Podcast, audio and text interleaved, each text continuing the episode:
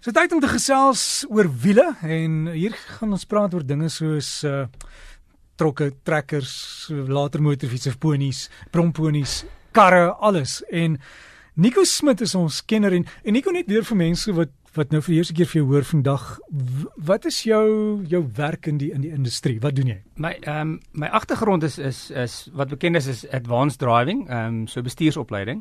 So ek het aanvanklik begin met 4x4 opleiding en en oorgeskuif na Audi Advanced Driving en BMW Driver Training. So dit, dit was my agtergrond. Ehm um, en tans is my opleiding meer vir verkoopsmense. So ek doen nog nog ehm um, die bestuurskursusse partymal op die baan uh of op die glibblad leer mense hoe om veilig te bestuur, maar 'n groot gedeelte van my werk is nou om verkoopsmense te leer hoe werk die karre, wat is die tegnologie in die karre om om dit maklik te maak. So my werk is om om moeilike terme of tegniese goeders maklik te maak sodat jy maklik kan verduidelik.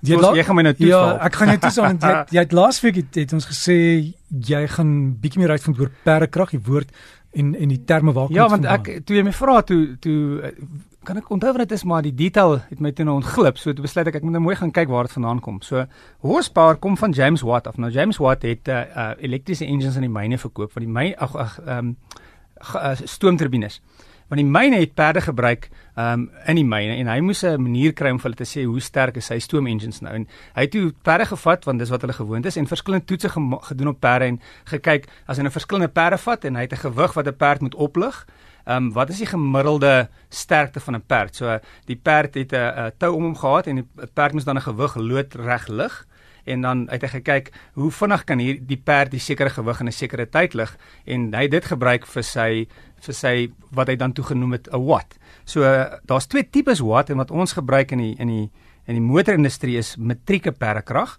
en dit sê 1 metrieke perkrag is nodig om 75 kg 1 meter te lig in 1 sekonde. So dis die tegniese dit so hmm. vir, vir, vir ons maak dit vandag nie meer regtig saak nie want on, ons kyk nie meer so in motorterme na 'n perd wat wat 'n gewig moet lig nie maar dis nie die agtergrond vir vir dit.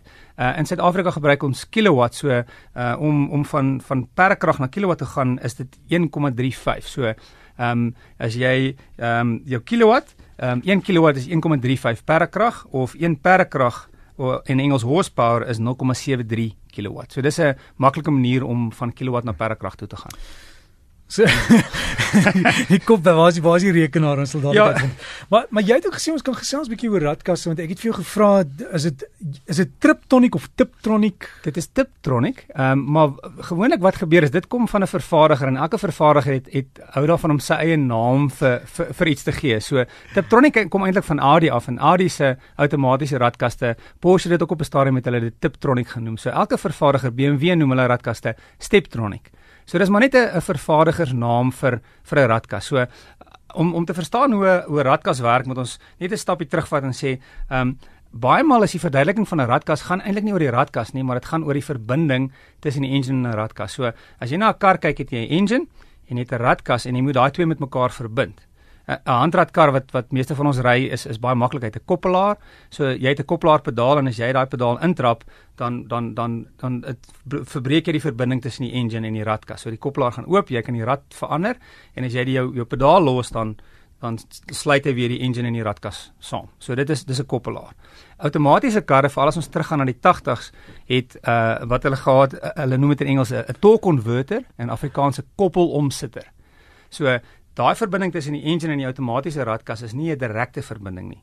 So dink daaraan by die huis het jy 'n wire wat waai en jy het 'n wire wat teenoor daai wire sit wat wat net los is. So as die een wire begin waai, wat gaan gebeur? Die lug druk of die lug aan die tweede wire waai. So 'n koppelomsitter is twee twee waai, twee in Engels 'n fan wat uh, wat toe 'n stelsel is toe en dit sit in olie. So wat gebeur is as die engine begin draai, dan draai die een wire wat dan die olie draai wat die tweede wire draai wat die radkas draai. So dis die dis die enigste twee maniere om 'n engine en 'n radkas met mekaar te verbind is dan of met 'n koppelaar of met 'n koppelomsitter. So wanneer jy met van 'n Tiptronic praat, dan praat jy eintlik van 'n radkas met 'n koppelomsitter. Met ander woorde, hy het daai twee gedeeltes met die twee wires wat een die tweede een draai. Maar jy kan hom manipuleer want want hierdie voertuig ja, jy kan hom druk. Dis reg. Aanvanklik kon jy dit nie manipuleer nie. So aanvanklik as jy die kar het 'n D of 'n D gehad en D beteken drive en en hy besluit wanneer om radde te verander. Die nuwe karre het gewoonlik in die radkas self kan jy jy die die die radskakeling self doen of jy het selfs ehm um, agter die stuurwiel jy kan die stuurwiel gebruik en jy het 'n plus en 'n minus. So jy kan self die radde verander. Ehm um, maar dis daar's 'n rekenaar en jy sê vir die rekenaar ek wil graag hê jy moet die ratte verander en die rekenaar kan besluit hy wil nie nou die ratte verander want dit is nie veilig nie. So die, re die rekenaar kan actually, kan kan besluit luister ek gaan nie nou die ratte verander nie maar dit is nie nie veilig vir die kar nie want die revolusies is byvoorbeeld te hoog. So ehm um, wat eintlik gebeur ook die vervaardigers ehm um, byvoorbeeld maak dit nie self nie. So as jy kyk na BMW se Steptronic of Audi se Tiptronic, hulle maak dit nie daar's 'n vervaardiger wat se naam ZF is wat wat die radkas so, maak. So kom ons maak dit maklik. Wat is die voordele van daai tipe radkas? So 'n Tiptronic of 'n 'n koppelomsitter radkas, die voordeel vir jou is dis baie goed vir sleep want want die ehm um, die die radkas is baie sterk en hy begin ehm um, ontwikkel baie baie krag baie vinnig. So is baie baie goed vir sleep en is 'n gewoonlik 'n baie baie betroubare radkas.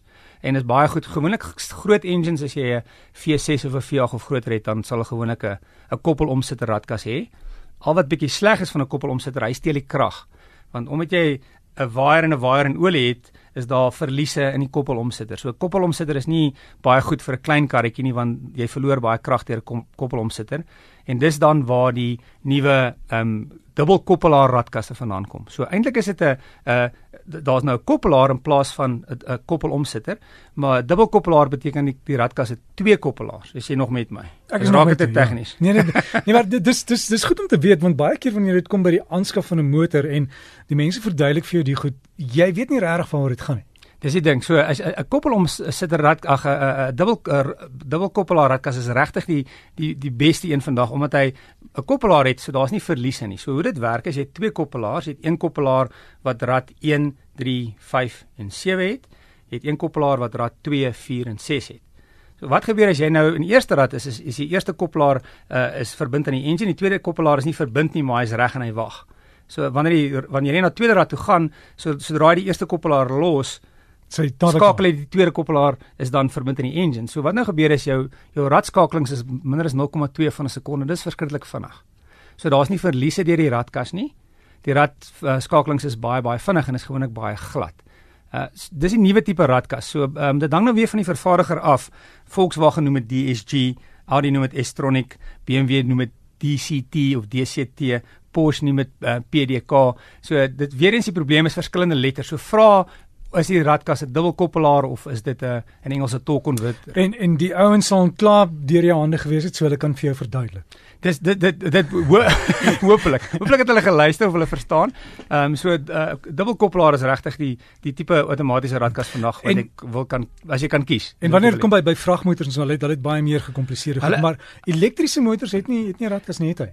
Elek elek hulle het nie nodig dank van die elektriese motor af maar jy het, jy baie maal het jy nie jy het nie 'n radkas nodig nie maar nou nou moet jy ook onthou baie elektriese karre het byvoorbeeld die elektriese motor dryf die voorwiele uh, kyk BMW i8 elektriese motor dryf die voorwiele en hy het 'n petrol engine en dit dryf die agterwiele. So wat nou gebeur is as jy nie meer krag het in die elektriese motor nie dan dan ry jy nie meer met die voorwiele nie dan ry jy pet dan, dan dryf jy 'n petrol motor net die agterwiele. So daar's da altyd dis ongelukkig nooit swart en wit nie. Daar's altyd 'n 'n paar tegniese goedjies om na te kyk. Wel ek dink daar het jy ons kop nou 'n bietjie aan die ding gesit so as jy weer in jou kar inklim uh en jy die gewone ou handratte dis miskien vir my prakties nog die beste maar die tegnologie die beweeg gaan en en watter een bespaar die meeste brandstof? Weereens omdat jy 'n koppelaar het is is is, is dit die die mees uh, effektiewe radkas want die koppelomsitter omdat jy daar's verliese deur die koppelomsitter. So ehm um, uh, koppelaar radkas is is altyd jou beste. Dubbel koppelaar is is is ook die, die beste brandstofverbruik. En jy het hier 'n uh, ding gebring oor bande. Ons, ons gaan volgende week ons gaan volgende week praat ons bietjie oor bande en en daar's baie goed om na bande te kyk. En vandag kyk ons net na die loopvlak gewoonlik en jy sê as die loopvlak weg is dan dan kan ek moet ek my bande ruil, maar daar's eintlik baie ander goed om na te kyk soos die hitte in die band en die en die vervaardigingsdatum. So ons sal volgende week bietjie daarna kyk. Ons so gesels Nico Smit saam met ons hier op Berg sien ek draai nog sy arm met hy vir my Facebook bladsy begin. Ons sal dit een van die dae reg kry. en dan ons daarmee begin. Terloops die gesprek sal ook onder wiele wees. Breakfast met Derek hier by Maandag. Gaan soek my net daar breakfast met Derek wiele en dan kan jy weer luister en dan kan jy jou motor geniet hier in Suid-Afrika.